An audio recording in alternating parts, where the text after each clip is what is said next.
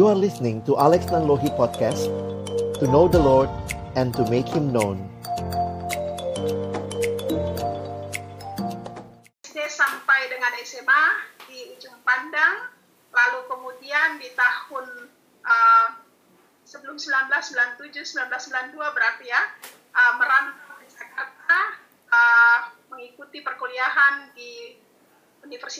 Indonesia jurusan Ilmu Komunikasi, lulus tahun 1997 uh, untuk gelar esosnya, lalu kemudian di uh, 2003 atau 2004 melanjutkan studi ke Radcliffe College UK untuk bidang mikologi dan mendapatkan gelar uh, Alex menikah dengan uh, Debbie Van de Girot pada 26 Maret 2011.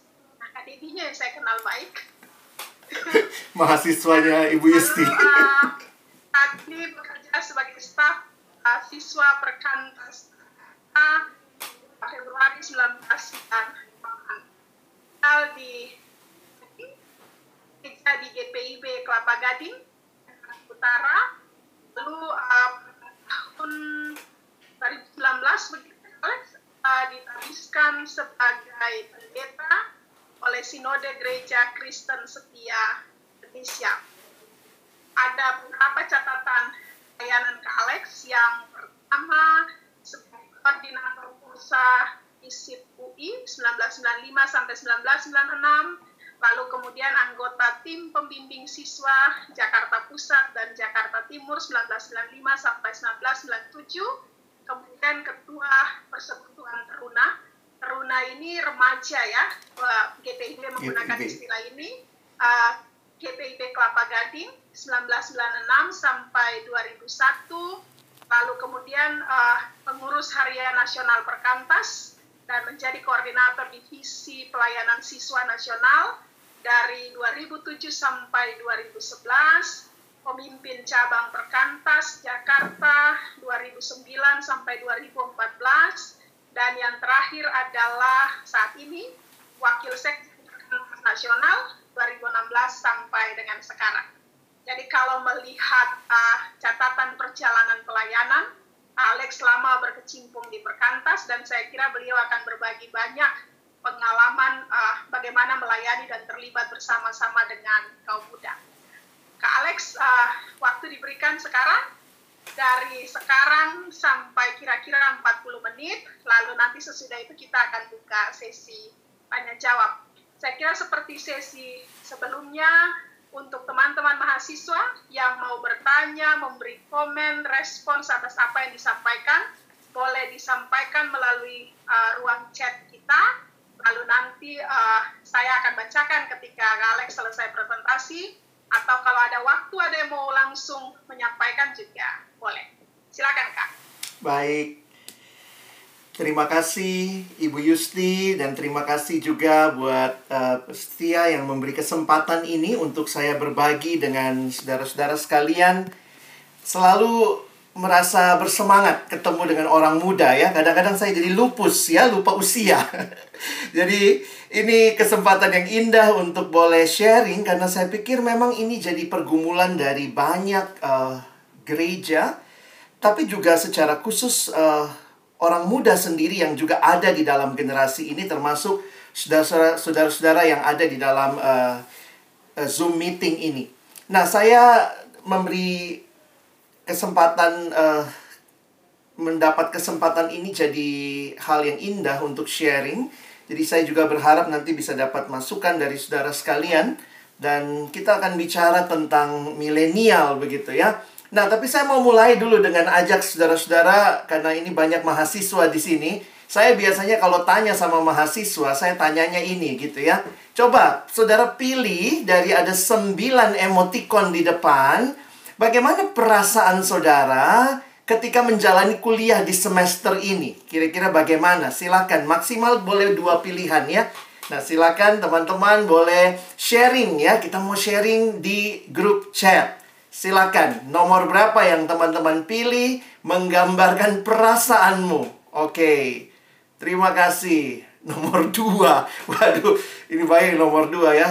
Satu dan dua. Wah, Terima kasih ya. Ini dari berbagai tempat. Dua dan sembilan. Wah. Wah, ini menarik sekali. Terima kasih teman-teman. Hanya empat katanya. Wah, ini tampang licik itu ya. Kayak mau ngapain dosen gitu kali. Baik.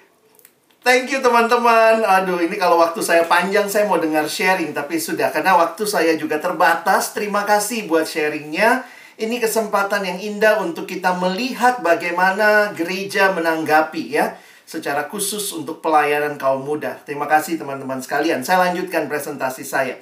Nah, saya coba melihat bahwa kita ada di dalam satu perubahan yang sangat-sangat cepat. Kita dalam dunia yang berubah sangat cepat. Wah, Deborah sudah semua ini ya, sudah berasa semua. thank you, thank you. Saya lanjut dulu ya. Baik, nah teman-teman, uh, ini pertanyaannya. Bagaimana gereja Tuhan melayani kaum milenial? Dan saya pikir dasar firman yang saya terus terbayangkan begitu ya, sebagai orang yang juga saya mungkin uh, tidak tidak tidak khusus lagi dibilang muda begitu ya, tapi kalimat ini dari Amsal 22 ayat 6 ya, didiklah orang muda menurut jalan yang patut baginya maka pada masa tuanya pun ia tidak akan menyimpang daripada jalan itu. Di dalam terjemahan uh, bahasa Inggris, uh, King James Version menggunakan istilah train up, ya, train up a child. Jadi ini bukan cuma pendidikan dalam arti mentransfer knowledge, tetapi bicara train, bicara sesuatu yang melibatkan disiplin, membangun karakter dan saya pikir itulah yang sebenarnya juga kita rindukan dengan apa yang sama-sama kita perjuangkan bagi generasi milenial. Nah, Saudara, secara khusus saya melihat bahwa kenyataan yang terjadi dengan adanya corona ini kalau Saudara bisa melihat ya, apa yang terjadi dengan corona ini awalnya cuma masalah kesehatan, tapi kemudian ini sudah jadi masalah ekonomi, masalah sosial, masalah pendidikan, masalah spiritual, gereja juga beribadah dan seterusnya. Dan karena itu saya pikir juga ada percepatan yang terjadi dengan ditambahkannya atau uh, situasi yang terjadi ini sampai ada hamba Tuhan yang bilang gereja sedang mengalami tanda kutip quote and quote reformasi gereja yang berikutnya ya. Jadi ketika kemarin kita memperingati ya hari reformasi ada satu perenungan yang saya coba dengarkan dia mengatakan bahwa gereja kembali ditantang ya untuk melihat apa sih yang menjadi esensi. Karena begitu banyak hal yang biasanya bisa kita lakukan, tetapi dengan situasi ini tidak bisa kita lakukan dan kemudian dengan kreatif tadi yang sudah disampaikan oleh Pak Hans ya, dengan kreatif gereja mengalami perubahan, melihat kembali apa hal-hal yang sangat penting dan esensi. Ini bagi saya menolong kita juga melihat uh, bagaimana gereja bersikap dengan benar. Nah, saya mulai dengan uh, bagian pertama ya. Saya mungkin tidak banyak mengulang, sudah hampir semua yang saya siapkan berkaitan dengan generasi. Ya, ber, uh, berkaitan dengan generasi itu uh, ada di dalam slide yang tadi banyak disampaikan Pak Hans. Tapi ini beberapa hal saja yang saya coba lihat juga begitu ya bahwa kalau bicara generasi nah ini yang biasanya kita lihat ya baik dari uh, infografis seperti ini dan ya eh, teman-teman ini tergantung pakai literatur yang mana ya tergantung saudara pakai literatur yang mana nanti saudara bisa lihat begitu ya uh, apa yang yang yang dikatakan berkaitan dengan hal ini. Karena ya kita sekarang sudah bicara sampai kepada generasi alpha, ya. Jadi saya pikir ini yang jadi menarik juga untuk sama-sama kita pikirkan ya, sama-sama kita uh, boleh renungkan. Ini secara sekilas karena sudah habis hurufnya ya X, Y, Z sudah kepakai Lalu sekarang kemudian mulai masuk kepada alfa, beta, dan seterusnya.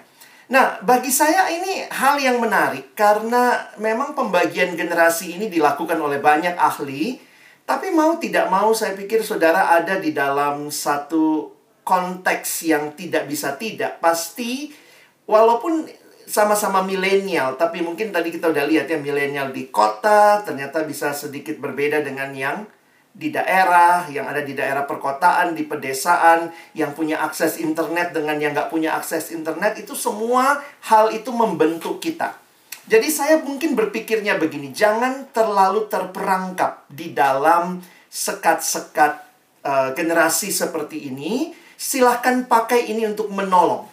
Menolong kita lebih tajam menilai, tetapi kemudian melihat ini juga sebagai daftar terbuka yang saudara sendiri bisa berkontribusi dan menambahkan. Nah, yang menarik buat saya adalah konteks Indonesia.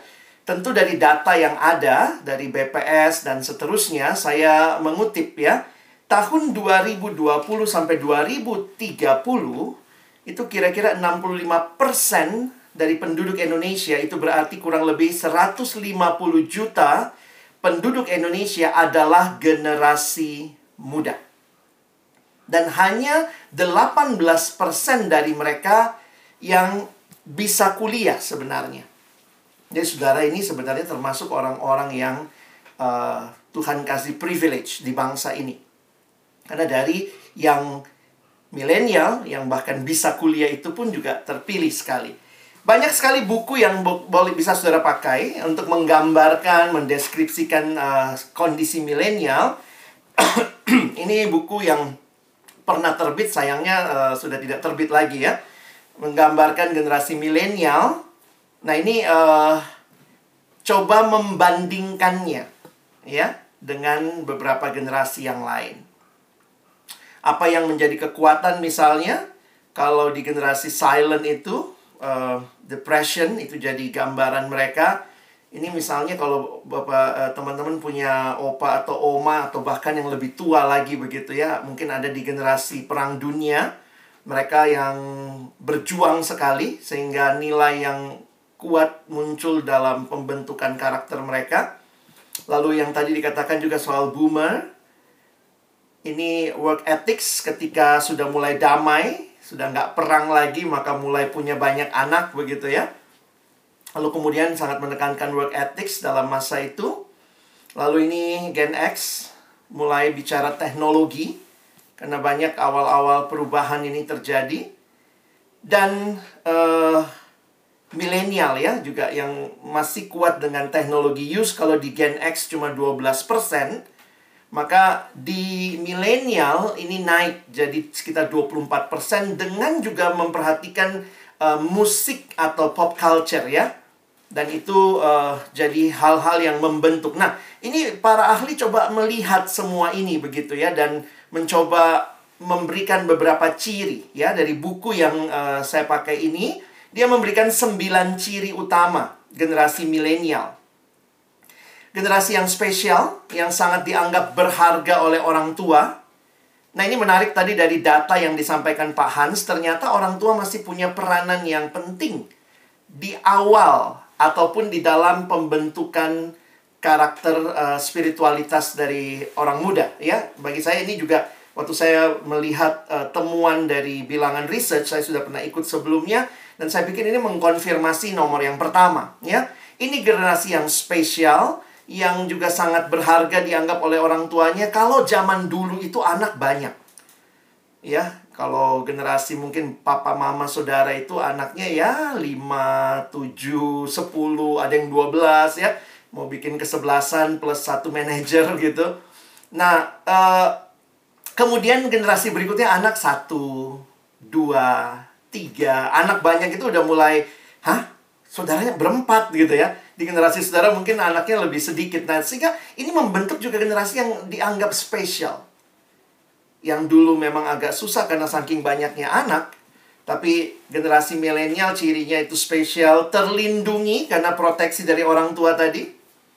Dan kemudian juga dikaitkan dengan punya percaya diri. Lalu berorientasi kepada tim. Keinginan berprestasinya tinggi, mau mengubah dunia mendapatkan pendidikan yang terbaik karena stigma yang ada juga adalah orang pintar itu keren gitu ya. Uh, pressure gitu, didorong begitu rupa untuk berprestasi. Lalu ini menarik juga ya, konvensional banyak dipengaruhi nilai-nilai orang tua dan nyaman dengan nilai-nilai tersebut. Jadi sebenarnya unik ya kalau teman-teman memang memperhatikan di sini kayak mixed feeling. Saya setuju dengan pertanyaan tadi ya. Satu sisi orang tua memperkenalkan kepada Kristus, tapi juga banyak yang kecewa dengan keluarga dan orang tua. Jadi itu memang pergumulan batinnya generasi ini jadi menarik sekali. Selalu ingin terkoneksi, yang paling menyebalkan sekarang kalau internet mati, lihat teman nyontek bikin tugas copy paste nggak marah tapi kalau internet mati sinyal hilang baterai HP uh, habis lowbat itu bisa marah begitu ya. Jadi memang uh, keinginan untuk selalu terkoneksi dan juga punya pemikiran terbuka. Nah teman-teman dari banyak buku banyak uh, research yang dilakukan terhadap generasi milenial, nah muncullah kemudian berbagai hal ya yang dikaitkan dengan baik pendidikan, baik itu juga berkaitan dengan spiritual begitu ya. Nah, ini misalnya kalau dari Tirto ID ya, misalnya dia mencoba melihat bagaimana empat generasi atur keuangan Nah, saya pikir saya nggak bahas, tapi teman-teman bisa lihat ya bahwa memang setiap generasi punya kecenderungan dan perbedaan. Seperti tadi bilangan research melihat bahwa ke depan ya mungkin persembahannya kalau online ya harus pakai uh, ya uang elektronik demikian ya. Nah, nah ini ini semua bagi saya penting untuk teman-teman pahami. Kalau kita mau kenal generasi ini sebenarnya yang harus berbicara tuh teman-teman sebagai milenial Apakah kalian setuju atau tidak? Apa yang menurut kalian perlu ditambahkan? Apa yang kayaknya terlewatkan? Atau bahkan milenial Indonesia itu yang Kristen secara khusus, apa kekhasannya? Dan saya pikir bilangan research menolong kita, karena bilangan research juga melakukan survei itu. Di dunia kita tahu ada lembaga seperti Barna Group di Amerika yang melakukan itu dan uh, bilangan research secara khusus melakukannya di Indonesia dengan uh, melihat konteks yang ada. Kenapa saya jelaskan semua ini? Ini termasuk 10 skill, top 10 skill untuk 2025 katanya ya. Dan itu banyak sekali dikaitkan dengan analytical thinking and innovation, active learning. Dan mungkin Bapak eh, teman-teman ya, saya dari mau manggil Bapak Ibu mulu ya. Teman-teman nanti bisa bertanya kalau Ibu Yusti ini kan ahli pendidikan gitu ya. Salah satu perubahan yang sangat cepat dalam menanggapi ini bagi saya adalah dunia pendidikan. Dan jujur saja sering kali gereja tertinggal jauh. Active learning misalnya, analytical thinking yang menjadi sesuatu yang dibutuhkan, skill yang dibutuhkan bagi generasi ke depan, kita sudah lihat itu di dalam pendidikan. Saya ada di masa yang namanya sistem belajarnya itu CBSA. Apa itu belajar? Belajar itu ada satu teman diminta sama guru maju ke depan papan tulis ambil kapur, dia dapat buku cetak dari guru, lalu dia tulis isi buku cetak itu di papan tulis. Kami satu kelas semua nyalin apa yang dia tulis, zaman saya itulah belajar. CBSA, catat buku sampai habis. Padahal itu singkatan dari cara belajar siswa aktif. Generasi kemudian di Indonesia sendiri terjadi perubahan, mulai ada LKS. Saya nggak tahu teman-teman ada yang mungkin pernah tahu ada lembar kerja siswa. Jadi dari CBSA beralih sedikit ada LKS, lembar kerja siswa. Jadi dulu orang tua itu beli buku cetak satu bisa turun sama adiknya, adiknya lagi Begitu ada LKS nggak bisa. LKS itu harus beli setiap anak satu. Nah, jadi kemudian berubah tuh. Pakai sistem LKS. Belajar itu yaitu bisa menjawab pertanyaan-pertanyaan di dalam LKS. Lalu nanti lebih jauh lagi, sistem pendidikan itu berubah lagi menjadi pembelajaran mandiri. Bahkan pembelajaran yang sifatnya bukan hanya tahu, tapi harus mampu. Karena itu muncul model seperti uh, ini ya. Zaman dulu uh, kami belajar itu hanya dites pada waktu ulangan. Itu saja. Kalau sekarang tuh ulangan agama, ada ulangan teori, ada ulangan praktek. Saya kan melayani banyak anak SMA ya. Jadi ada ulangan prakteknya, ujian prakteknya. Kenapa? Karena waktu praktek itu dia diharapkan bukan cuma tahu, tapi mampu. Tapi bisa. Kan itu ada ujian praktek. Sehingga sekarang ada yang namanya hair, ada yang namanya remedial. Dan itu tidak dikenal di generasi saya. Kami belajar tanpa remedial. Nilaimu berapa waktu ujian ya udah itu tunggu aja guru akan tambah itu sama nilai ulangan yang lain nanti muncul di raport. Kenapa? Generasi berubah, pola belajar berubah. Nah, jujur aja yang menyedihkan gereja pola ajarnya tidak cukup adaptif. Mungkin saya nggak bisa bilang tidak sama sekali, tapi selalu atau sering kali terlambat pembelajaran dua arah sudah dilakukan di sekolah-sekolah. Tapi di gereja misalnya ya hanya pembelajaran satu arah dan itu dianggap segala-galanya. Nah, jadi kenapa ini semua penting? Nah, ini tesis saya. Pemahaman dan pengenalan yang dalam akan generasi akan juga menentukan bagaimana melayani generasi ini atau melayani milenial. Apa yang menjadi kontennya, apa yang menjadi konteksnya dan apa yang menjadi kontainernya. Sebenarnya ini bisa jadi sesi ter, sesi khusus lagi ya. Karena saya ingin menegaskan bahwa sebenarnya di sini kita harus memahami ada hal yang menjadi isi yang tidak berubah. Ada konten yang tidak berubah. Dan bagi saya konten itulah yang saya pikir perlu didengar oleh setiap generasi. Di dalam kita memahami firman Tuhan, saya pikir satu kacamata yang diberikan kepada kita oleh Alkitab bahwa semua manusia berdosa. Jadi kadang-kadang kita terlalu sibuk sama generasinya, kita jadi lupa bahwa sebenarnya tesis dasar semua manusia berdosa itu konten yang tidak berubah. Dan semua manusia berdosa akan mengalami maut. Dan Yesus yang datang kehadirannya. Yohanes 3 ayat 16 supaya tidak binasa melainkan beroleh hidup yang kekal. Itu konten yang tidak berubah. Jadi sebenarnya kalau kita sekarang berusaha menyampaikannya dengan kreatif, saya pikir kita harus kenal betul apa konten yang tidak berubah itu dan bagaimana ketika kita menyampaikannya, kekreativitasan itu tidak menghilangkan apa yang menjadi konten yang penting yang harusnya didengar oleh setiap generasi. Dalam Kidung Jemaat ada lagu ya, mari tuturkan kembali kisah yang indah benar. Harta berharga sekali Yesus pahlawan besar. Dalam bahasa Inggris lagu itu Tell me the old old story of Jesus. Ada cerita yang lama tapi terus harus didengar oleh setiap generasi. Jadi kiranya kita tidak kehilangan ya. Ketika kita berbicara lebih jauh bagaimana dengan generasi mari kita tetap melihatnya dengan benar-benar lihat apa yang tidak berubah dan bagaimana menyampaikan itu bagi generasi ini. Sehingga nanti kita bicara konteks dan kita bahkan bicara kontainernya apa yang harusnya menjadi tempat menampung atau menyampaikan jadi kita bicara strategi dan seterusnya. Jadi ini uh, pergumulan yang saya juga sering kali tanyakan buat pelayanan ya, baik pelayanan uh, saya sendiri gitu ya maupun pelayanan dari teman-teman semua begitu. Apakah kita menggaruk di tempat yang benar-benar gatal gitu ya? Are we scratching where it itches?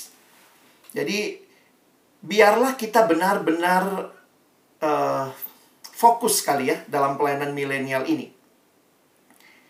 Dan sering kali kegagalan gereja, saya bicara gereja dalam arti individunya termasuk saya, saudara sekalian, mungkin pemimpin-pemimpin gereja yang sudah lebih senior, lebih tua begitu ya. Kita berbicara milenial, tapi kita tidak mendengar dari yang milenial ya. Ada buku yang kami terbitkan Judulnya The Passion Generation ditulis oleh seorang pendeta milenial dan ada beberapa kartun di dalam buku ini. karikatur seperti ini. Everyone is talking about millennials, but no one is listening to them. Jadi saya melihat ini penting untuk kita miliki ya satu uh, sikap hati yang sama-sama mau kenal milenial itu. Jadi kita nggak ya mau ngomong gereja milenial, saya pikir buat saya bukan bukan hanya semboyan gereja milenialnya, tapi apakah memang milenial juga mendapat tempat untuk didengarkan di dalam gereja? Kalau saudara perhatikan, banyak kali pelayanan tanpa kita sadari ketika hanya berkaitan dengan kreativitas di permukaan, yang mungkin perlu jadi pertanyaan apakah itu menyentuh hati yang terdalam. Karena bagi saya secara pribadi dalam pengalaman pelayanan saya mengalami itu juga dalam pelayanan perkantas kami fokus kepada siswa dan mahasiswa. Ada masa di mana kita sibuk kreativitas. Wah, kita ya pokoknya harus kreatif, harus kreatif. Tapi ada juga waktunya ketika kita sudah melakukan semua yang sekreatif-kreatifnya, ternyata kok hasilnya sama aja, kira-kira begitu ya. Dan di situlah kemudian jadi refleksi kembali bahwa yang menarik ini bukan cuma melayani outside service di permukaan, tapi apakah pelayanan kita menyentuh kebutuhan terdalam kaum milenial? Karena itulah tadi pengenalan yang tepat terhadap generasi ini itu akan menjadi modal penting untuk kita memikirkan bagaimana melayani milenial, baik konten kontennya yang tidak berubah, baik konteksnya yang mungkin terus berubah, desa kota mungkin berbeda, maupun kontainernya. Gimana strategi menyampaikan konten ini? Dan di sinilah kita bicara, gereja berbicara kreativitas. Waktu kita digging deeper, kita gali lebih dalam, maka kita akan bicara kreativitas. Nah, saudara, dalam uh, pergumulan saya belajar kreativitas ya sebenarnya kreativitas itu bukan orang yang kalau MC banyak yang ketawa gitu, wih dia kreatif deh kalau pimpin lagu pakai gerakan begitu ya. Saya pikir di dalam psikologi teman-teman ini kalau di psikologi di kampus kami ini belajarnya satu semester ini tentang kreativitas. Dan ternyata kreativitas secara ilmu itu berhubungan dengan proses berpikir. Jadi jangan terbolak-balik ya. Kadang-kadang kita melihat orang itu resourceful. Dia punya banyak resource. Tapi orang yang resourceful belum tentu kreatif. Tapi orang yang kreatif hampir pasti dia resourceful. Karena dia pandai memakai resource-resource yang ada. Karena kreativitas itu berhubungan dengan proses berpikir. Jadi saya jujur aja harus menantang diri saya menantang kaum muda, kaum milenial yang ada di Zoom meeting ini, menantang pemimpin-pemimpin gereja untuk mari kita berpikir bersama. Ini pengertian kreativitas yang saya pakai. Kemampuan untuk membuat kombinasi baru berdasarkan data. Tadi banyak data dari Pak Hans. Informasi atau unsur-unsur yang ada membuat atau mencipta sesuatu bukan berarti harus menciptakan sesuatu yang totally new, yang sama sekali baru, tapi bisa men menjadi gabungan, kombinasi dari hal-hal yang sudah ada sebelumnya. Dan saya pikir di sini uh, kita ditantang ya untuk melihat bagaimana kreatif ini. Misalnya, bagaimana caranya saudara dari rumah ke kampus misalnya? Cara konvensional dari rumah naik kendaraan ke kampus, mungkin naik motor begitu. Kreatif itu apa? Mari pikir lagi, adakah cara lain ke kampus yang bisa lebih cepat, mungkin bisa lebih murah, bisa kemudian nyambung, ikut sama teman sampai mana, lalu lanjut lagi untuk menghemat ongkos. Jadi sebenarnya memikirkan dan mengkombinasikan berbagai hal menjadi kesempatan untuk membangun kreativitas. Tapi yang menarik begini, ya kita kembali ke tujuannya. Kita bukan kreatif demi kreatif, saudara, ya. Saya pikir tujuan dari kreativitas bukanlah demi kreativitas itu sendiri. Bukan pula demi menguasai, bukan pula demi mendominasi, tapi untuk kemuliaan Allah dan membawa berkat bagi sesama. Saya pikir buku ini akan sangat bagus kalau saudara mau mendalami berbagai aspek yang penting untuk kreativitas di dalam gereja.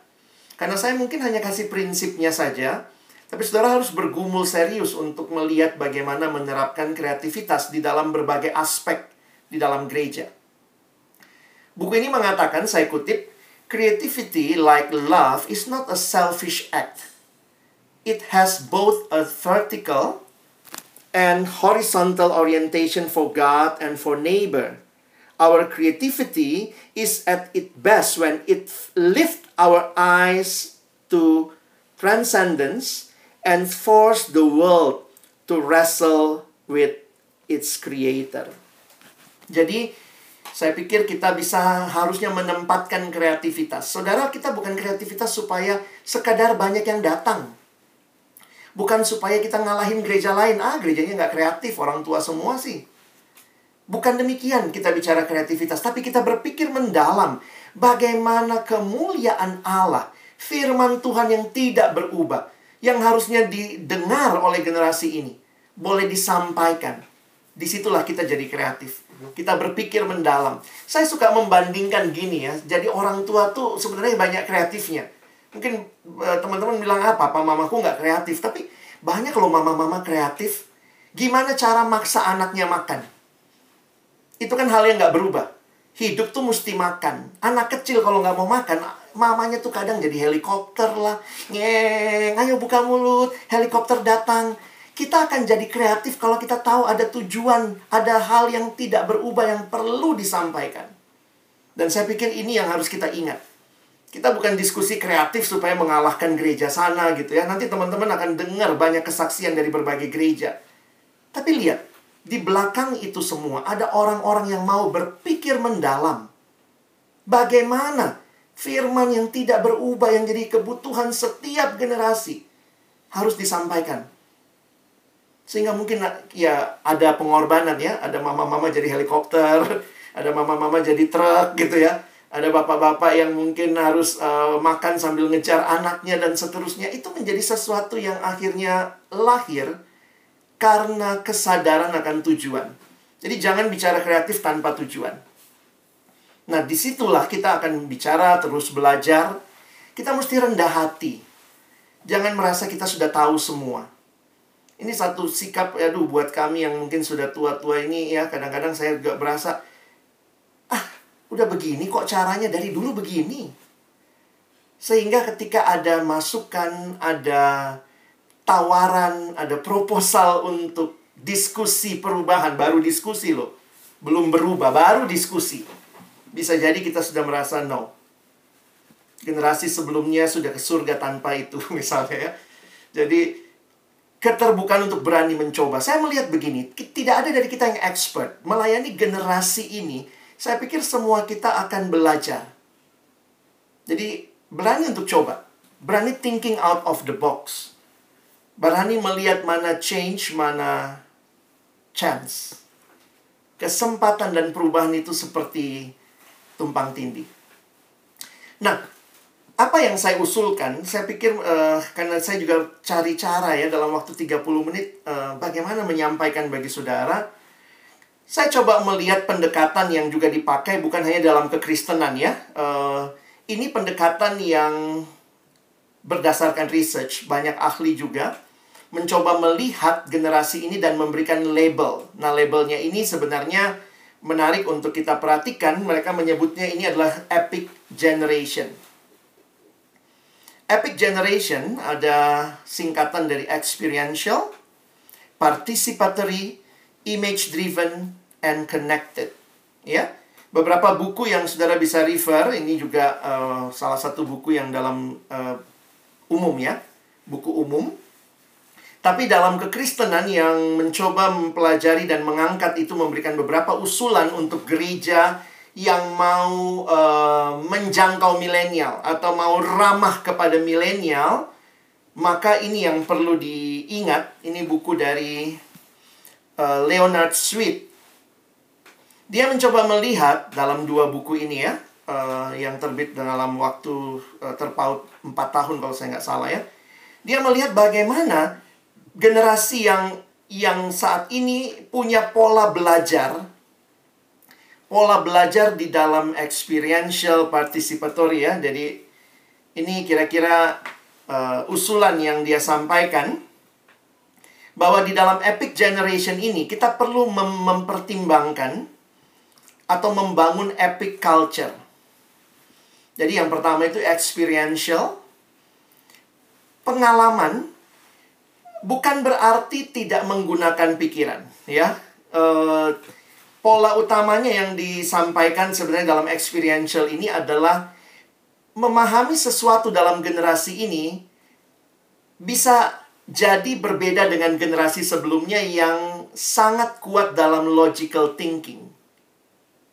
Tapi sekarang ini disampaikan dengan pengalaman, dengan masuk ke dalamnya, dan experience itu yang kemudian menjadi hal yang yang begitu kuat diingat dan dialami.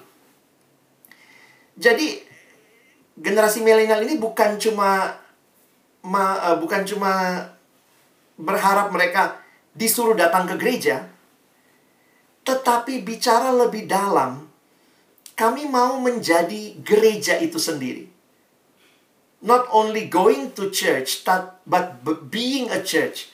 Pengalaman itulah pengalaman gereja itu yang mereka cari. Dan ini yang kemudian kalau kita bicara ya, banyak yang juga bilang mungkin orang-orang bosan karena mereka cuma disuruh ke gereja. Mereka tidak mengalami gereja itu.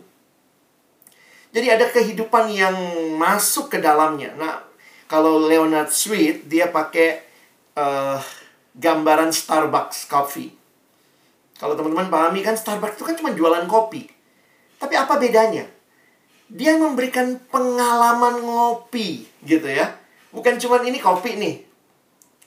Tapi pengalaman dengan kopi dengan suasana yang nyaman dengan wifi kalau kita datang ke Starbucks di kota-kota besar begitu ya datang ke mall bisa duduk dengan tenang bisa jadi itu itu yang ditawarkan pengalamannya nah teman-teman saya dari komunikasi dulu saya belajar iklan iklan itu poin utamanya apa yang kita nggak butuh dianggap kita butuh dan kita dipersuasi supaya kita butuh. Nah yang unik misalnya iklan rokok ya. Sejak tahun sekian, saya lupa persisnya itu memang iklan rokok tidak boleh lagi ada orangnya lagi ngerokok, ngisep, lalu asapnya nggak ada. Maka iklan rokok, perhatikan ya. Maaf, saya pakai contoh ini karena ini sangat jelas ya. Iklan rokok itu yang dijual apa? Pengalamannya. Asiknya rame-rame. Ini jualan rokok atau jualan apa? How low can you go? Berapa rendah kamu bisa? Jadi sebenarnya experiential itu. Nah teman-teman yang dikasihi Tuhan, mari kita berpikir gimana di dalam menjangkau kaum muda ini kita benar-benar juga bisa menjadikan itu pengalaman mereka. Nah ini kita mesti muter otak nih. Bagaimana membuat ibadah liturgi yang dalam ibadah umum itu benar-benar menjadi sesuatu yang pengalaman bagi mereka. Sehingga di beberapa gereja seperti gereja kami di GPIB, maka ada liturgi berbalasan misalnya. Jadi orang tidak datang untuk menonton ibadah. Dan ini yang memang jujur aja kalau banyak anak muda males ikut online karena mereka cuma nonton ibadah. Belum lagi nanti masuk participatory, mereka merasa terlibat, ingin berkontribusi. Ini generasi yang ingin berkontribusi, duduk diem tuh membosankan. Coba lihat contohnya Wikipedia. Seperti dibuka kesempatan siapa pun bisa memberikan memberikan arti. Jadi bukan hanya content consumer, tapi bahkan jadi content provider, content creator. image driven. Ini generasi yang sangat kuat dengan emot. Kadang-kadang gitu ya. Balas temen, nggak ada kata-katanya. Emotnya yang dipakai ya. Lalu Uh, dan maunya terhubung, connected ya. Nah, saya pikir ini ini bisa diskusi yang panjang. Ini generasi yang sangat merasa dirinya unik sebagai individu, tapi selalu melihat dirinya dalam komunitasnya. Sehingga ini juga jadi bagian yang bisa teman-teman relasikan waktu memikirkan bagaimana gereja yang ramah milenial.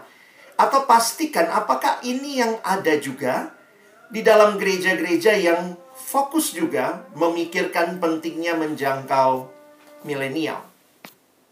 Di awal tadi saya coba ya, mudah-mudahan berhasil ya. Saya minta teman-teman sharing. Ini Zoom meeting. Ya Ella, dari tadi cuma denger kesempatan nanya. Tapi saya tadi tanya, bagaimana perasaanmu? Coba, saya nggak minta kalian tulis perasaannya. Saya provide gambar. Karena kalian berbicara lebih banyak dengan gambar itu. Saya tidak bisa tahu persis yang kalian alami, tapi gambar-gambar itu seperti mewakili. Karena ini generasi yang berbicara dengan gambar. Nah, saudara, ya saya lewati ya, karena waktu sudah terbatas. Nah, dalam satu artikel yang saya baca dia mengatakan begini ya, ini karena dia coba relasikan Yesus itu epic katanya ya. Jesus invited his disciple into experience. Yesus tidak cuma ayo ikut aku, kamu akan belajar belajar materi teologi ya. Makanya saudara yang ada di sekolah teologi ya, saya juga pernah ada di sekolah teologi ya. Kadang-kadang kan kita cuma tahu banyak teori ya, tapi pertanyaannya memang at the end of the day, do you really know Jesus? experience His presence in your life. Jadi ini bukan cuma bicara saya dapat paper teologi 80, 90, saya ujiannya bagus. Nggak cukup. Karena ini generasi yang mencari lebih jauh. Apa? Siapa Yesus buat hidupku? Bagaimana Yesus membawa perubahan buat hidupku? Let them make decision. Yesus kasih kesempatan mereka membuat pilihan take the ownership in his ministry. Yesus tuh libatin murid-muridnya loh teman-teman ya. Kadang-kadang saya sedih dengan gereja yang semua yang tugas orang tua. Ya, itu memang tata gereja ya, mau bikin apa ya. Karena ya majelis semua yang berdiri di depan menyambut sehingga generasi milenial datang ke gereja tamu. Ini gereja punya orang tua, apalagi anak. Makanya saya kagum sama Ibu Yusti ya buat gereja ramah anak itu anak tuh ada bagian di dalam gereja bukan cuma datang lihat orang tua lagi berritual ada majelis satu baca nanti gantian nanti pendeta khotbah paduan suara maju selesai tapi bagian dalam pelayanan. Dan ini yang perlu dibangun ya. Bagaimana membangunnya itu diskusi lah saudara. Makanya saudara konsultasi kan. Tapi pentingnya melihat ownership in his in this ministry ini bukan pelayanannya pendeta, pelayanannya majelis, pengurus harian majelis. Dan Yesus sendiri constantly use imagery to convey his kingdom reality. Yesus banyak pakai gambaran kerajaan Allah seperti seperti dan seterusnya. Dan bahkan begitu luar biasa connected gitu ya satu sama lain.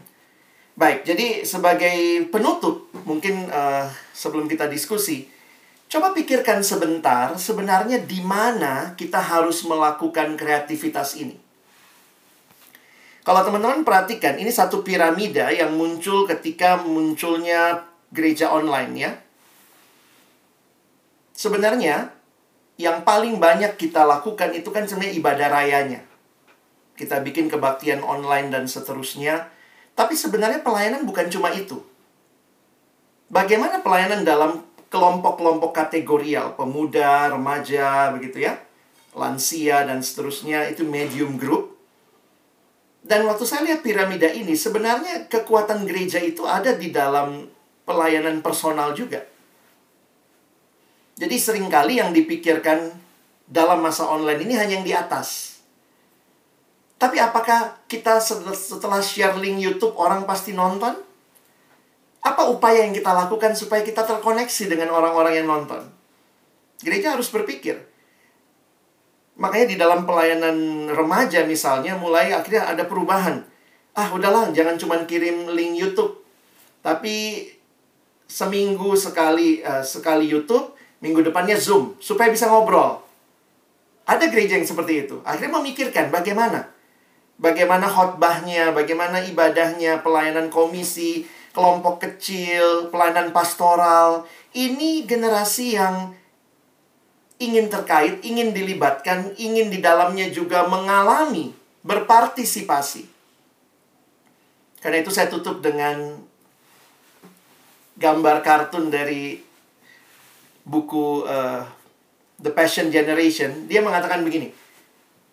Jangan-jangan, ini kira-kira dalam bahasa saya, jangan-jangan orang muda meninggalkan gereja bukan karena mereka tidak dilibatkan, ya, uh, millennials are leaving the church not because we ask them too much, bukan karena kita minta banyak hal dari mereka, tapi bisa jadi kita tidak minta apa-apa atau terlalu sedikit meminta kepada mereka generasi yang pingin dilibatkan. Saya jujur agak ya dalam satu sisi bersyukur dengan pandemi ini orang muda di gereja seperti mulai dilihat. Paling tidak untuk upload video, untuk edit-edit. Ya selama ini orang muda cuma kayak tamu di gereja. Tapi sekarang akhirnya kayak majelis sadar, pendeta sadar. Oh iya ya, kami yang senior nggak ngerti cara edit video. Ya sudahlah, yang muda mulai terlibat. Dan mereka menikmati, wow kami jadi bagian dari gereja ini. Kami bukan cuma penonton.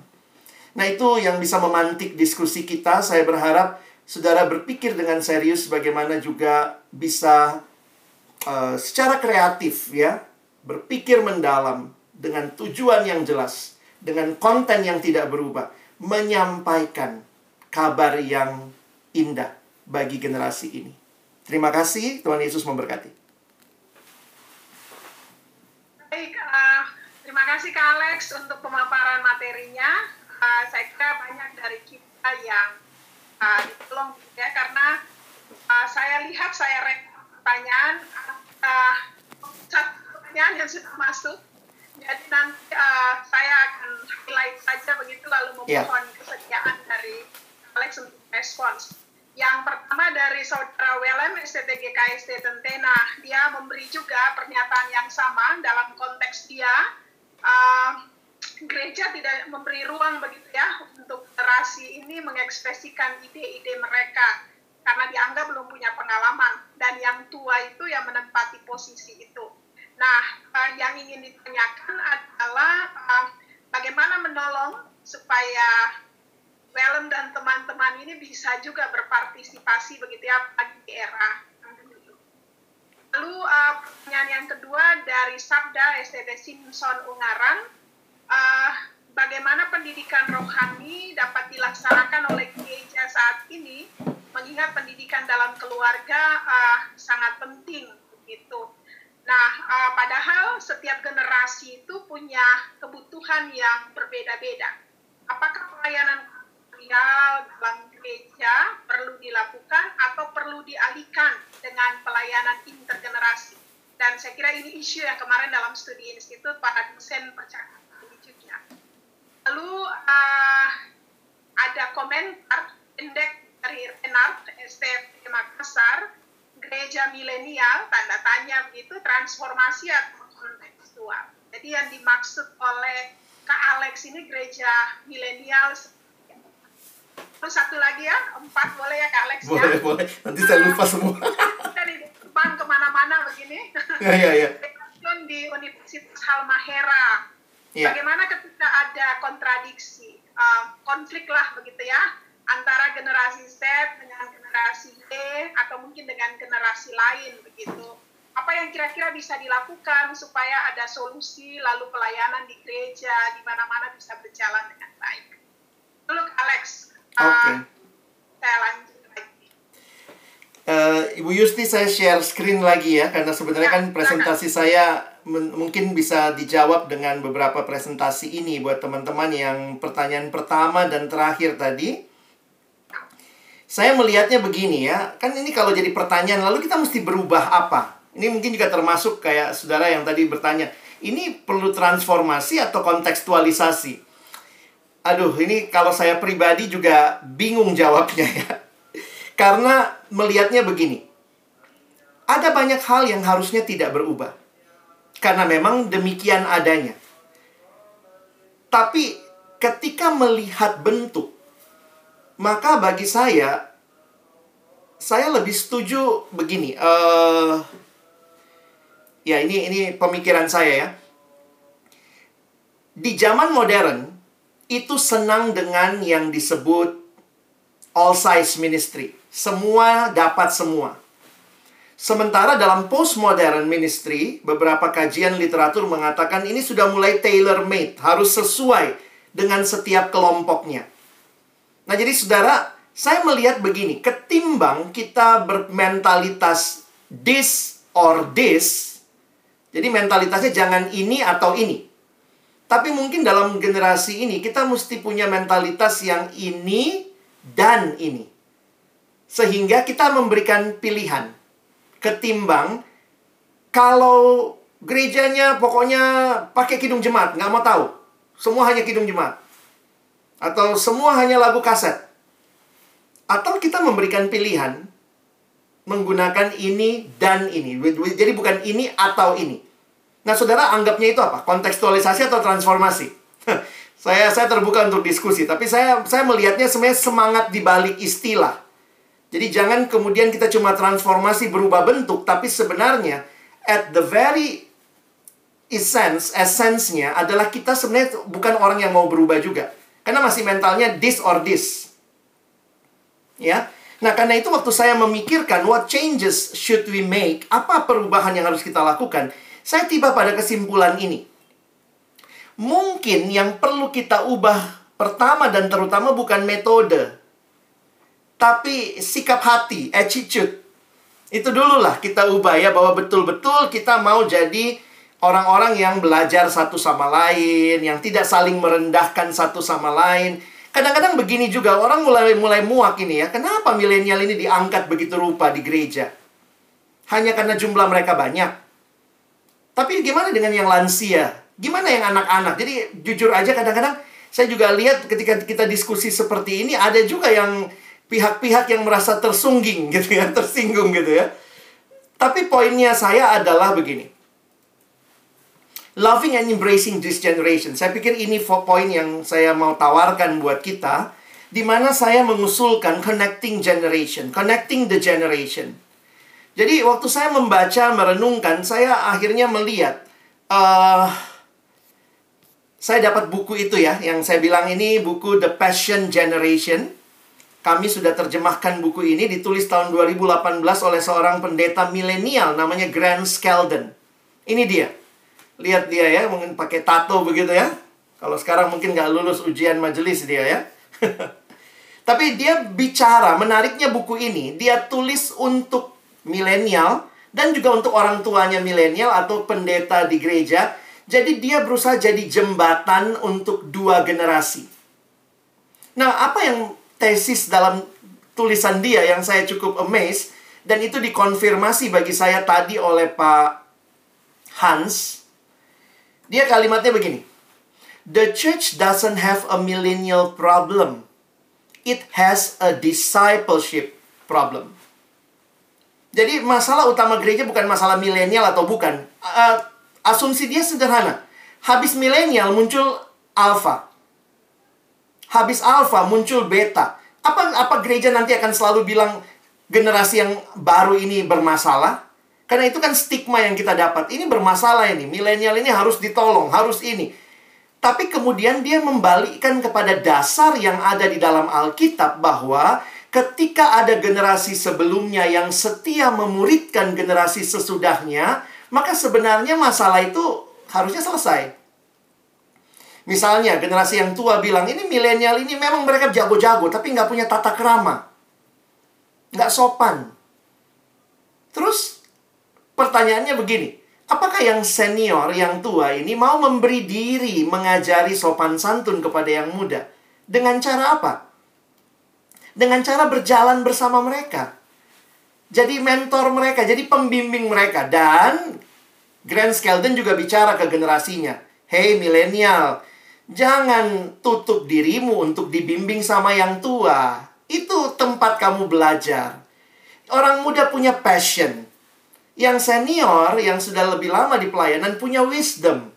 Wow, gereja maju sekali kalau passion and wisdom jadi harta yang bukan salah satunya. Tapi dua-duanya kita bangun. Jadi saya jujur aja mendapat pemahaman yang lebih utuh tentang pemuridan dan sedang berpikir juga Jangan cuma berpikir intergeneration, tapi apa yang mau dilakukan dengan intergeneration di dalam gereja? Pastikan itu pemuridan. Pastikan itu discipleship. Dan dia kasih satu gambaran yang menarik. Dia bilang begini.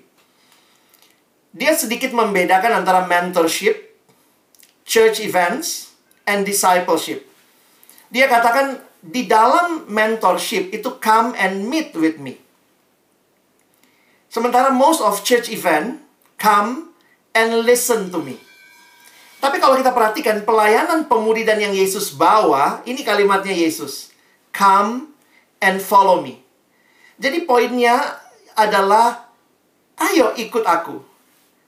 Ketika ada generasi yang lebih tua mau memberi diri, mementor, membangun murid yang lebih muda. Dan ada orang-orang muda yang bersedia dibimbing oleh mereka yang lebih tua.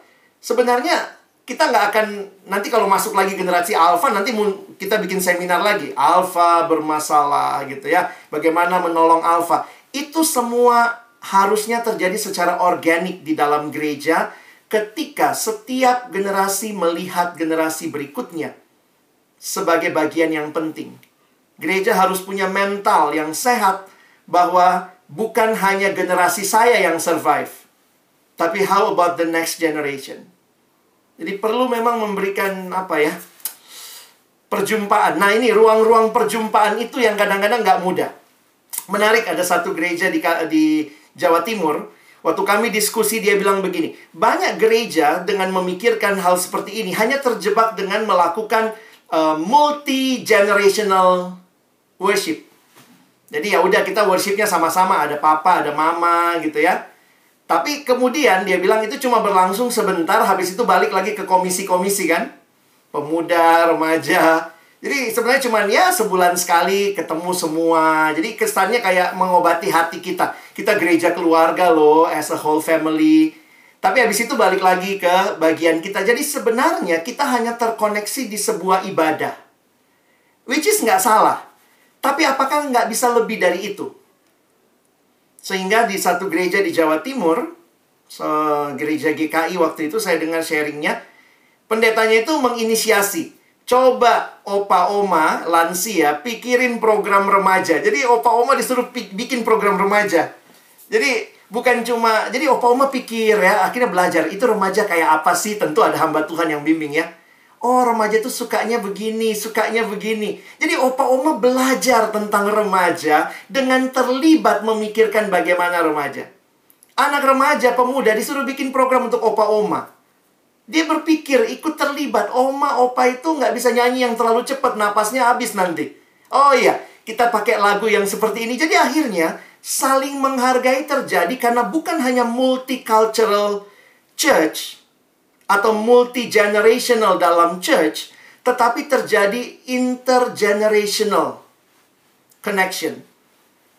Nah, jadi teman-teman ayo kita share ide lah. Kalian lebih lebih brilian bagi saya ya. Kalian ada di generasi ini yang harusnya bisa berpikir mendalam. What what else? Kalau kurang ruang perjumpaan yang tua sama yang muda tiap kali ngobrol berantem program gimana cara menjembataninya? Apalagi nanti teman-teman adalah orang-orang yang ada di gereja yang akan mungkin punya eh, keputusan-keputusan uh, penting dalam gereja yang pasti akan selalu ada multi generasi. Kak Yusti saya berharap sudah jawab tiga pertanyaan ya. Cuma yang satu tadi ada yang belum apa ya? Ah, secara langsung sudah jawab. Sudah ya, terima kasih. Nah, ya. Thank you. Jadi teman-teman uh, banyak sekali yang muncul, sudah 30 sekian pertanyaan itu. Saya tidak akan baca urut karena pertanyaan-pertanyaan sesudahnya ada yang mirip dengan yang sebelumnya. Jadi uh, kalau saya lompat dari urut-urutan yang ada mohon dimaklumi karena sebenarnya sudah menjawab. Yeah. Lalu uh, dari yang kedua, uh, Samuel dari STT Shalom Bandar Lampung bertanya sejauh mana sih sebenarnya kontribusi keluarga yeah. untuk dapat memperlengkapi anak-anaknya. Mengingat banyak juga orang tua yang tidak memiliki pendidikan yang mumpuni. Nah ini hampir mirip sebenarnya dengan uh, pertanyaan Apriliano dari STT GKE Banjarmasin. Yeah. Alex, uh, apakah penerapan gereja milenial ini mampu dilakukan di daerah pelosok begitu karena kesulitan untuk beradaptasi dengan teknologi dan Iya. uh, lain-lain. Hal yang sama juga dimunculkan oleh Feby dari UKIM dan uh, Iswa dari STT Makassar.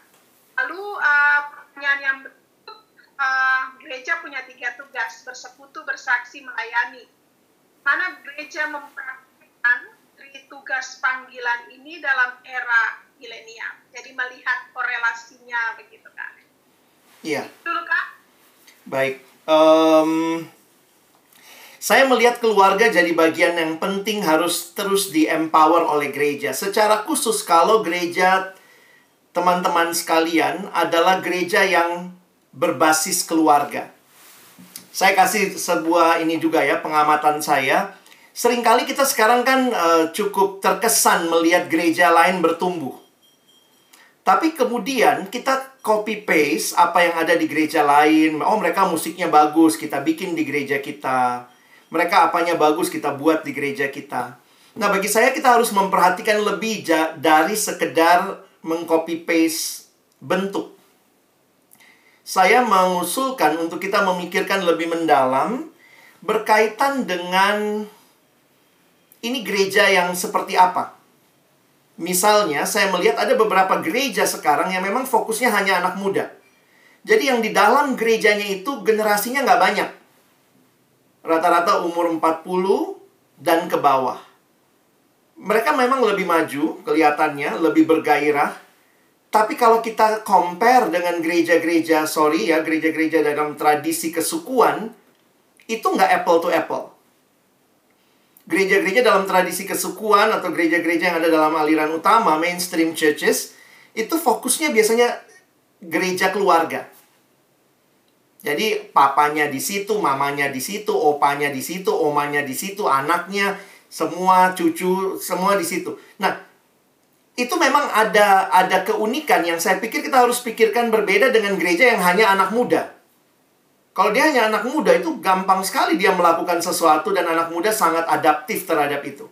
Nah, di gereja-gereja yang multi generasi seperti ini karena memang bentuk gerejanya atau modelnya memang fokusnya seperti itu, maka kita harus berpikir kreatif misalnya ya, menciptakan eh, poin-poin utama sebenarnya adalah penghargaan satu generasi kepada generasi lain itu bisa berbagai cara. Salah satunya saya bilang tadi ya, misalnya suruh coba pikirin dan seterusnya sehingga mau melia- mulai melibatkan diri dalam oh iya ya, anak saya itu tuh senengnya yang seperti ini, tapi ini loh yang nggak berubah, yang harus mereka dapat. Jadi ada koneksi di situ. Tapi di sisi lain yang saya lihat juga adalah begini. Bagaimana eh, mungkin kita bisa main di liturgi gereja, Bagaimana liturgi yang di dalamnya juga ada bagian-bagian yang ada anak, ada orang tua, di mana semua bagian terlibat begitu ya. Dan saya lihat untuk gereja-gereja yang eh, melakukan itu ada juga yang bikin bulan keluarga, jadi pakai tata ibadah khusus yang semua ada di situ ya. Ada anak, ada orang tua, ada papa, ada mama. Nah, itu bisa menjadi bagian yang menolong kita memikirkan dengan lebih serius tentang keluarga. Tapi di sisi lain tentunya ya, mari ciptakan lebih banyak ruang untuk eh, gereja juga menolong keluarga. Nah, mungkin di sisi lain nanti ya, saya pikir ada tiga lembaga yang terkait ya. Kalau bikin segitiga itu gereja, lalu kemudian keluarga, dan sebenarnya pendidikan atau sekolah. Jadi saya pikir juga kalau ada gereja-gereja yang punya sekolah itu bagus juga kalau ada program yang integratif antara anak di sekolah, anak di keluarga, anak di gereja. Karena apa? Gereja itu anak remaja ke gereja seminggu berapa kali sih? Sekali doang. Udah sekali satu jam, satu setengah jam, dua jam. Sesudah itu dia akan habis waktunya di sekolah, di keluarga.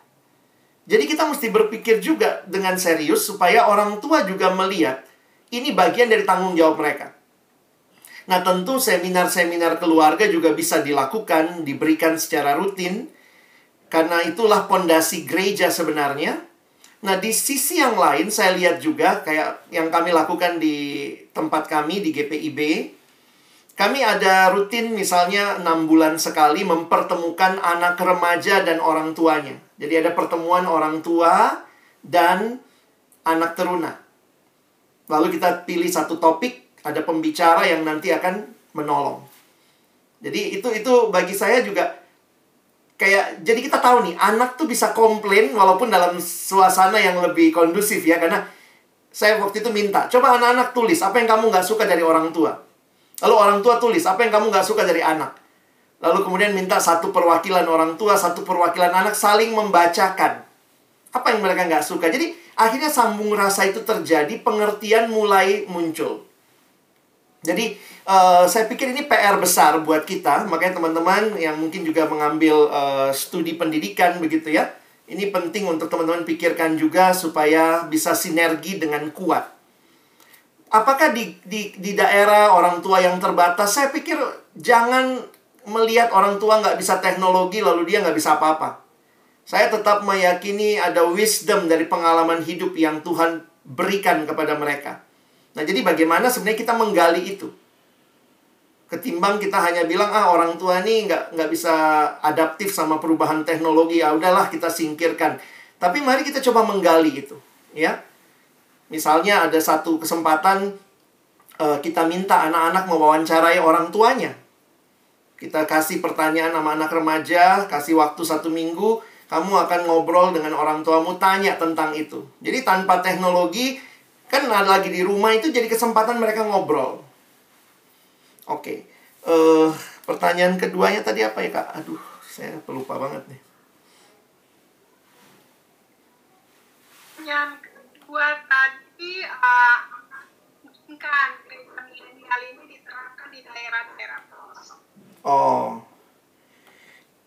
Saya pikir poinnya bukan karena begini kadang-kadang teman-teman kalau ngerti milenial langsung bayangannya harus punya teknologi harus punya apa bagi saya bukan attitude-nya bahwa di dalam gereja ada generasi yang saat ini secara khusus dalam kondisi mereka dibesarkan walaupun di daerah dia pengen didengarkan pengen dihargai jadi sensitivitas gereja terhadap ada generasi seperti ini dan akan terus ada karena habis ini nanti datang lagi Alfa. Dan saya pikir sebenarnya teladan paling utama itu Tuhan Yesus.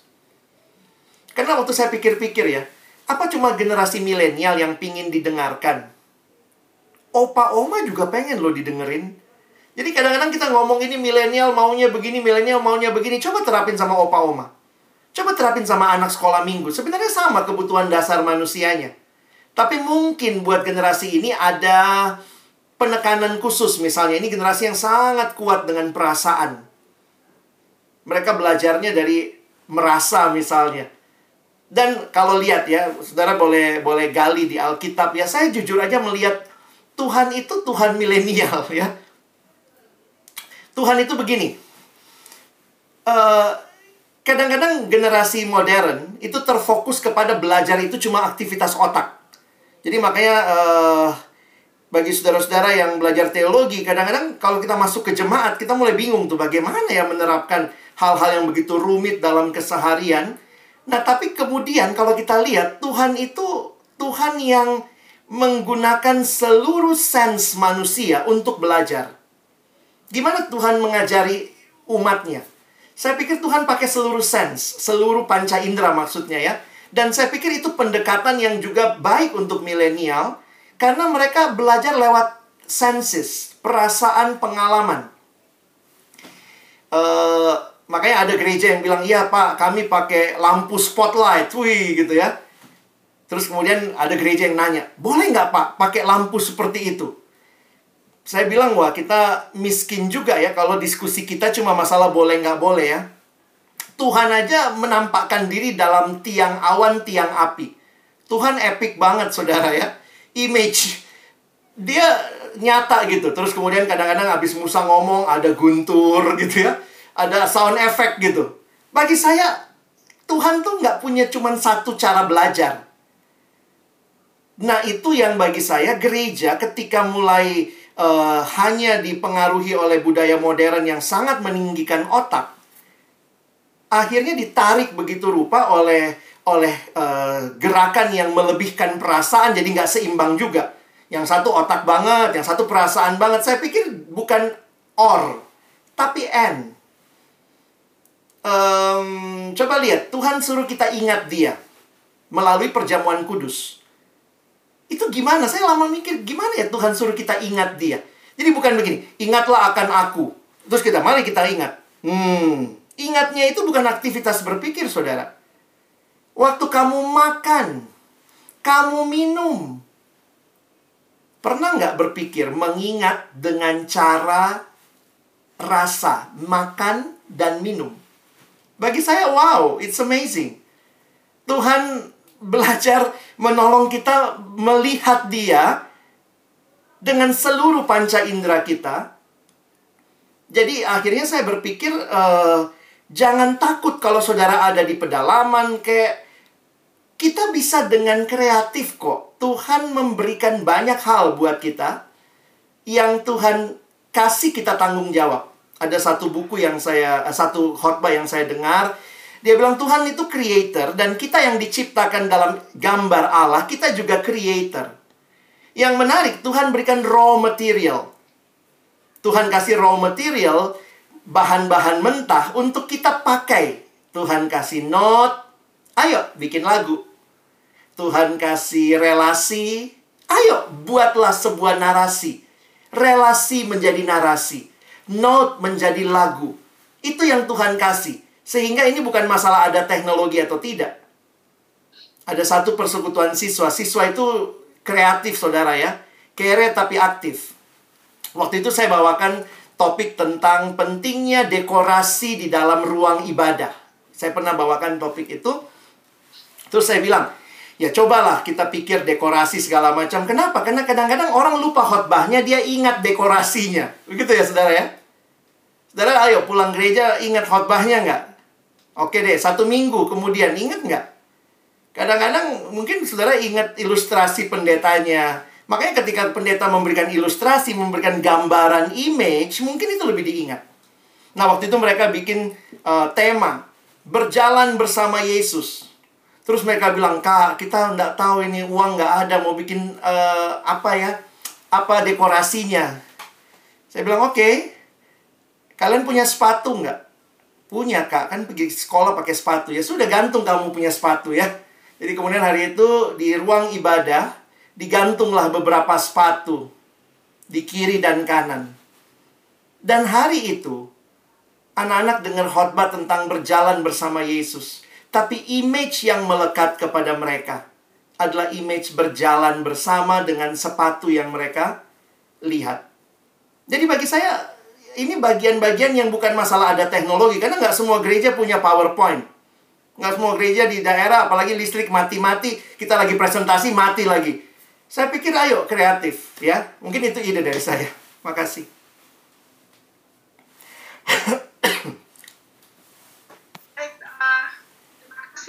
uh, Alex, saya bacakan pertanyaan untuk termin ketiga ya.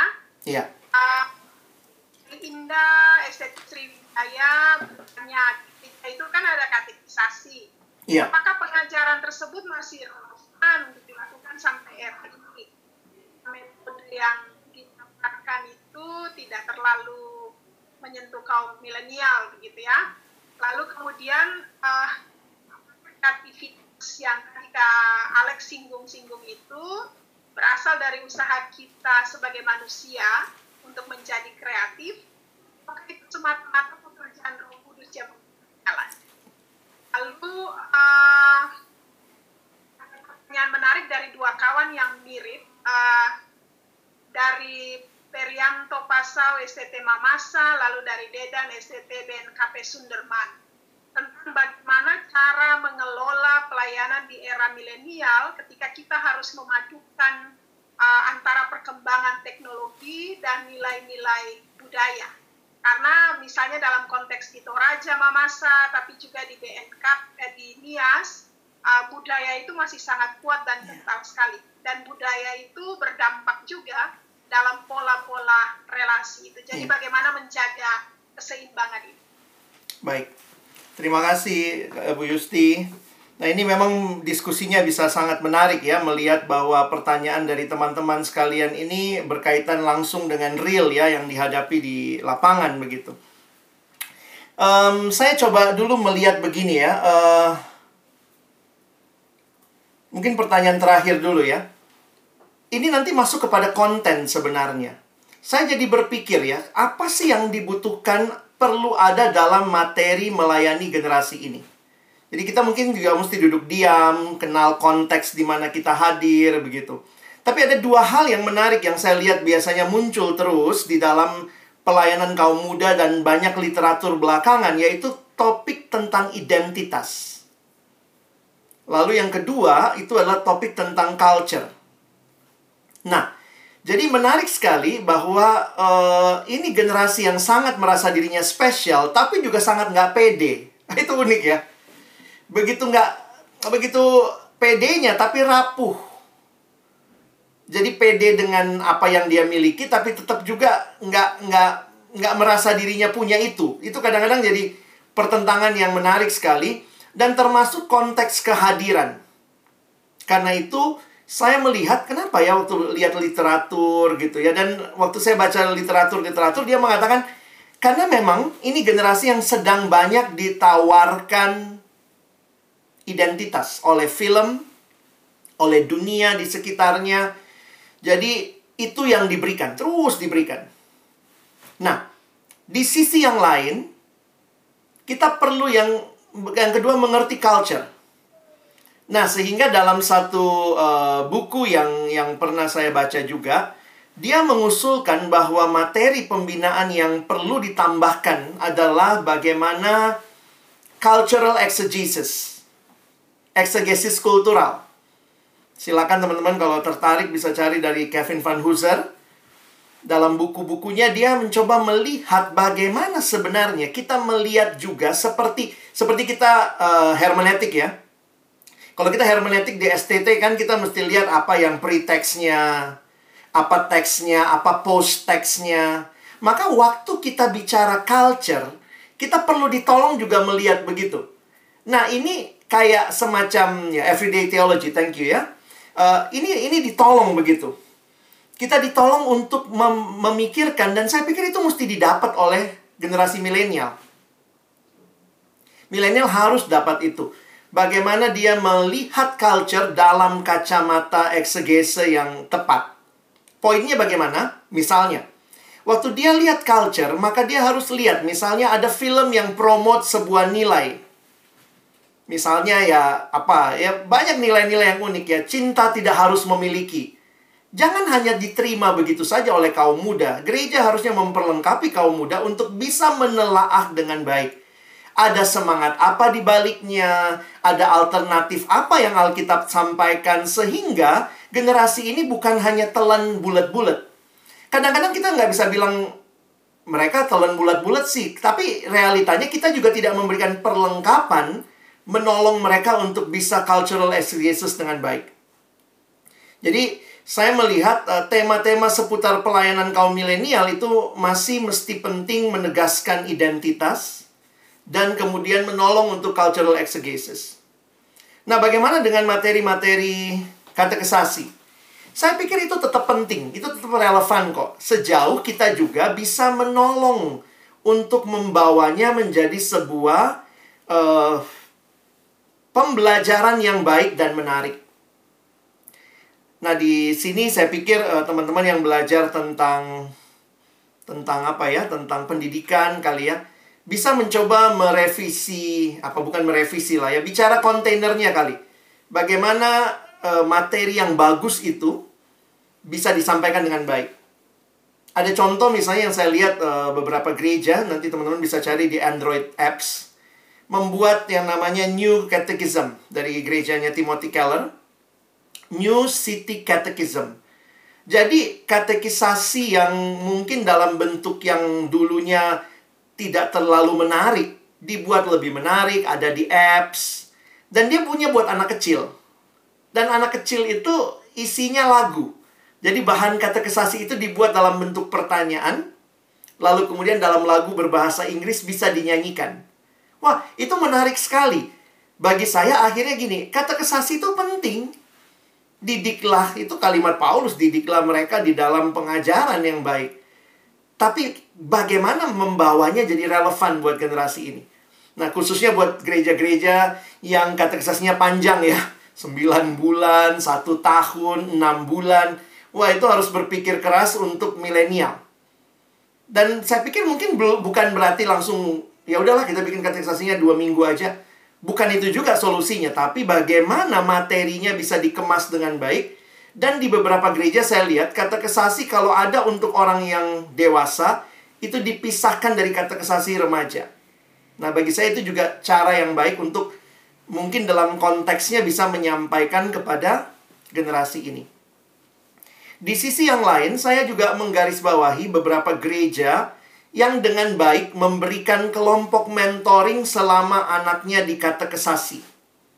Jadi, katekesasi, pendeta ngajar, kadang-kadang kan nggak ada kesempatan ngobrol. Anak sekarang kita harus tahu ya, beban studinya tuh banyak. Jadi katekesasi kadang-kadang cuma hari Minggu atau ada hari Sabtu, satu jam selesai.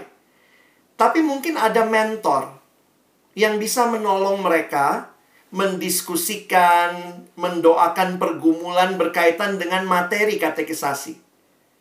Jadi sekali lagi, memastikan supaya ada participatory, ada experience, bukan cuma transfer knowledge. Dan karena itulah saya pikir kita berkonsultasi sekarang ya untuk menemukan, melihat, mencoba ide-ide baru begitu ya sebagai sesuatu yang disampaikan. Ada yang terlewat, Bu? Satu lagi tadi apa ya? satu lagi tentang kreativitas, uh, Oh. Apakah kreativitas itu upaya sendiri? Apakah uh, punya uh, yeah. dari Kudus gitu ya? Tapi ada beberapa pertanyaan lain juga terkait dengan kreativitas. Ya, yang... Itu, uh, bagaimana sih kita bisa mengatakan bahwa gereja kita sudah kreatif? Begitu ya apakah ada batasan-batasan atau standar tertentu untuk menilai itu supaya yeah. kita punya semacam itu Ya, kalau bicara gereja, saya pikir gini ya. Mungkin ini pertanyaannya mirip seperti tadi. Apa sih uh, ukuran spiritualitas orang, begitu ya? Memang kalau melakukan penelitian, mau tidak mau harus bikin yang terukur. Tapi ya, jujur aja, banyak hal dalam hidup itu kan tidak bisa hanya diukur berdasarkan kuesioner. Jadi bagi saya akhirnya uh, mari coba merela berelasi lebih jauh. Um, poinnya gimana caranya kita menolong gereja berpikir. Apakah mungkin kita mem membentuk tim yang mau memikirkan atau seperti think tanknya mungkin namanya apa? Tim lead bangka atau tim pengembangan jemaat? Yang intinya adalah ada upaya yang disengaja intentional untuk memikirkan bagaimana melayani lebih baik ke orang muda, ke anak-anak, ke orang tua, lalu bagaimana ini karena kalau gereja ya, bagi saya begini. Kalau hanya satu komisi yang berkembang, satu pelkat kalau di kami namanya pelayanan kategorial yang berkembang, Sebenarnya we miss the point of being creative. Karena balik lagi, oh remajanya tuh bagus, bikin acara ini, wah kreatif, bikin ini, bikin itu. Pemudanya? Enggak. Orang tuanya? Enggak. Jadi bagi saya uh, ukurannya itu bukan cuma kemajuan di sebuah komisi. Tapi sebenarnya, nah makanya poin saya adalah mulailah dengan ada tim, entah hamba Tuhan, pendeta, majelis, aktivis, bahkan libatkan orang-orang muda memikirkan.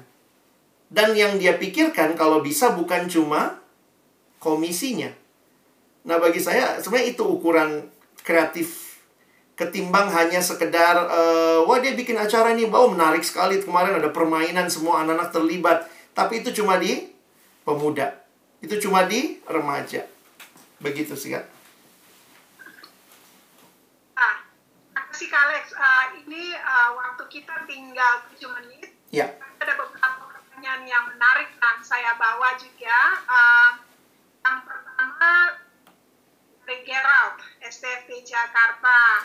Melihat milenial, kalau berdasarkan punya Kevin Ford, Transforming Church, dan gereja lokal melalui usaha untuk memenuhi kebutuhan anggotanya, maka ada kecenderungan untuk melahirkan sikap konsumerisme Ya. di dalam Lalu bagaimana agar gereja budaya konsumerisme itu? Lalu yang kedua dari Fakultas Teologi UNER, generasi milenial itu kaya akan kreativitas dan mampu untuk berbisnis. Menjadi keunggulan dan juga keunikan milenials. Dan gereja juga bisa menjadi media untuk menerima milenials yang mau mengembangkan ini. Nah, masalahnya adalah banyak pemahaman dan penolakan yang muncul di kalangan masyarakat. Misalnya tidak boleh berbisnis dalam gereja, lalu hal itu masih dianggap tabu sehingga memunculkan dikotomi itu. Lalu bagaimana kita bisa menjembatani ini supaya milenial ini tetap diterima? Itu dua pertanyaan terakhir, Kak. Baik, terima kasih. Sorry Ibu Yusti, saya lupa tadi masalah Roh Kudus ya. Tetap ya, Roh Kudus hadir bukan berarti kita pasif ya. Jadi Tuhan memberikan rohnya yang kudus untuk memberikan kemauan, kemampuan, tapi juga Tuhan melibatkan kita. Jadi kreativitas juga berkaitan dengan apa yang saudara responi dalam karya roh kudus dalam hidupmu. Lalu kalau bicara tadi terima kasih buat teman dari STFT Jakarta tadi ya. Saya saya sangat-sangat uh, aware dengan itu. Bahwa kalau terus-menerus kita lihat kebutuhannya, kebutuhannya lama-lama ini jadi konsumerisme. Dan gereja yang konsumerisme itu akhirnya kan uh, jujur aja orang cuma datang karena merasa kebutuhannya dipenuhi. Nah, sebenarnya bergerak dari poin itu kita maunya mereka memang kebutuhannya dipenuhi. Harapannya memang kebutuhannya dipenuhi. Tetapi sebenarnya kita mau lebih jauh dari itu. Dia memikirkan kebutuhan kelompok lain di dalam gereja yang sama. Jadi bagi saya itulah sebenarnya sikap yang menjauhkan dari church consumerism. Bagaimana melakukannya? Nah, ini saya balik lagi masih dalam sifatnya usulan, ide begitu ya. Buatlah tim multi intergenerational. Jadi poinnya begini. Ketika memang kita mendiskusikan sebuah program misalnya, kita lagi buat nih kebaktian anak muda. Biar kenapa? Biar anak muda nggak usah ke gereja lain, di gereja kita juga ada. Kadang-kadang gereja suka berpikir begitu kan.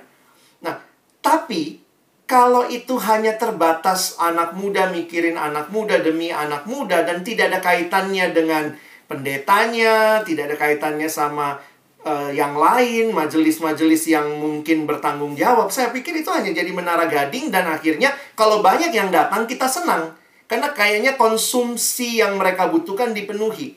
Jadi saya pikir kita perlu duduk sama-sama dan libatkan sebanyak mungkin anak muda untuk melihat ini bukan masalah kebutuhanmu saja.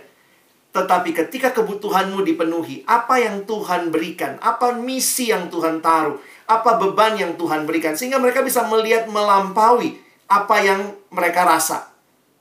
Dan saya pikir ini generasi yang uh, altruistik banget sebenarnya ya. Ini kesempatan mereka dilibatkan dengan banyak hal. Jadi banyak juga saya lihat gereja-gereja yang hanya senang kebaktiannya didatangi banyak orang.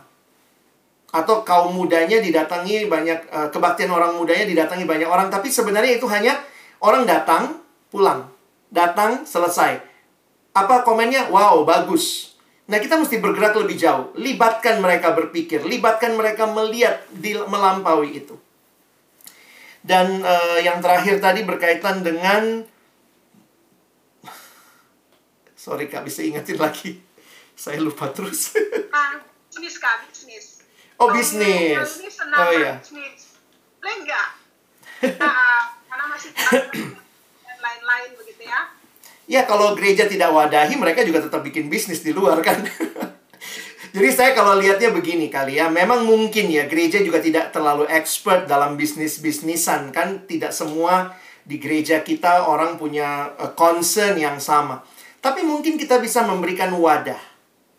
Nah, bagi saya wadah ini bisa menjadi kesempatan untuk mengaknowledge apa yang dilakukan oleh orang muda. Wadahnya apa?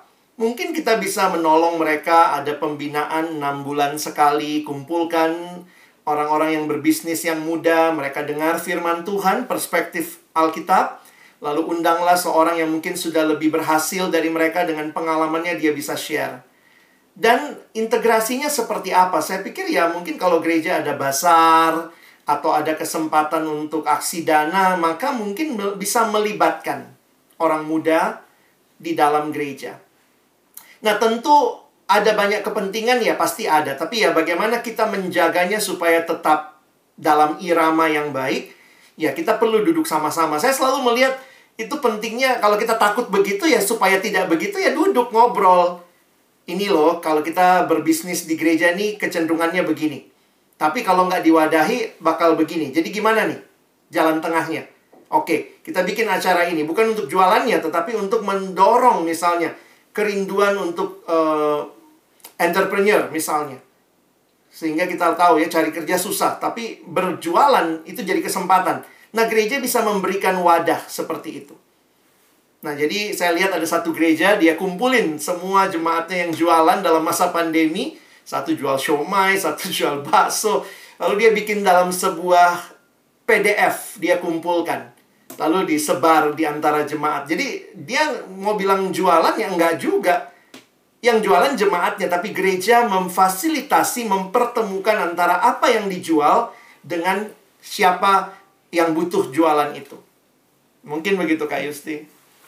Nah, terima kasih banyak Sama-sama. Pencerahannya selama hampir dua jam ini. Ya. Uh, mudah-mudahan kawan-kawan mahasiswa bisa belajar banyak Lalu kalau masih ada yang belum jelas, bolehkah teman-teman juga bisa mengontak uh, Alex secara pribadi? Uh, Silakan. Alex punya banyak pengalaman mendampingi kaum muda, jadi saya kira uh, beliau akan sangat uh, senang sekali jika teman-teman mau uh, berbagi pengalaman itu. Nah, saya mencatat hal saja, saya tidak mau memberi kesimpulan begitu. Kata dosen saya, semua orang sudah paham, jangan memberi banyak kesimpulan, kita mendengarkan uh, kalau pertanyaan kita adalah panggilan gereja di era milenial, maka hal pertama yang saya catat uh, pemahaman dan pengenalan akan generasi menjadi sangat penting supaya kita bisa tahu siapa dan dengan siapa kita melayani bersama.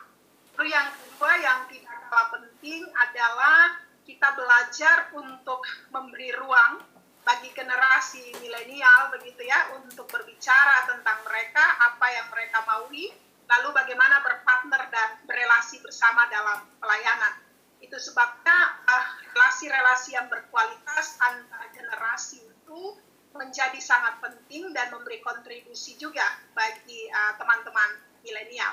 Uh, mudah-mudahan saya tidak lari ya dari penjelasan itu. Uh, teman-teman uh, beberapa poin yang bisa di-highlight. Selebihnya pertanyaan-pertanyaan yang luar biasa dari teman-teman menunjukkan bahwa teman-teman uh, menikmati sekali pemaparan dari siang. Sekali lagi terima kasih banyak Kak Alex, Tuhan memberkati dalam pelayanan di Perkantas, di Kelapa Gading, di mana saja Tuhan memberkati keluarga. Salam juga untuk. Uh, ya. Tuhan memberkati kakak selalu. Makasih, ya, Bu Yusti. Saya kembalikan kepada Lenta, terima kasih mahasiswa yang masih sangat setia untuk uh, terlibat bersama dalam uh, percakapan.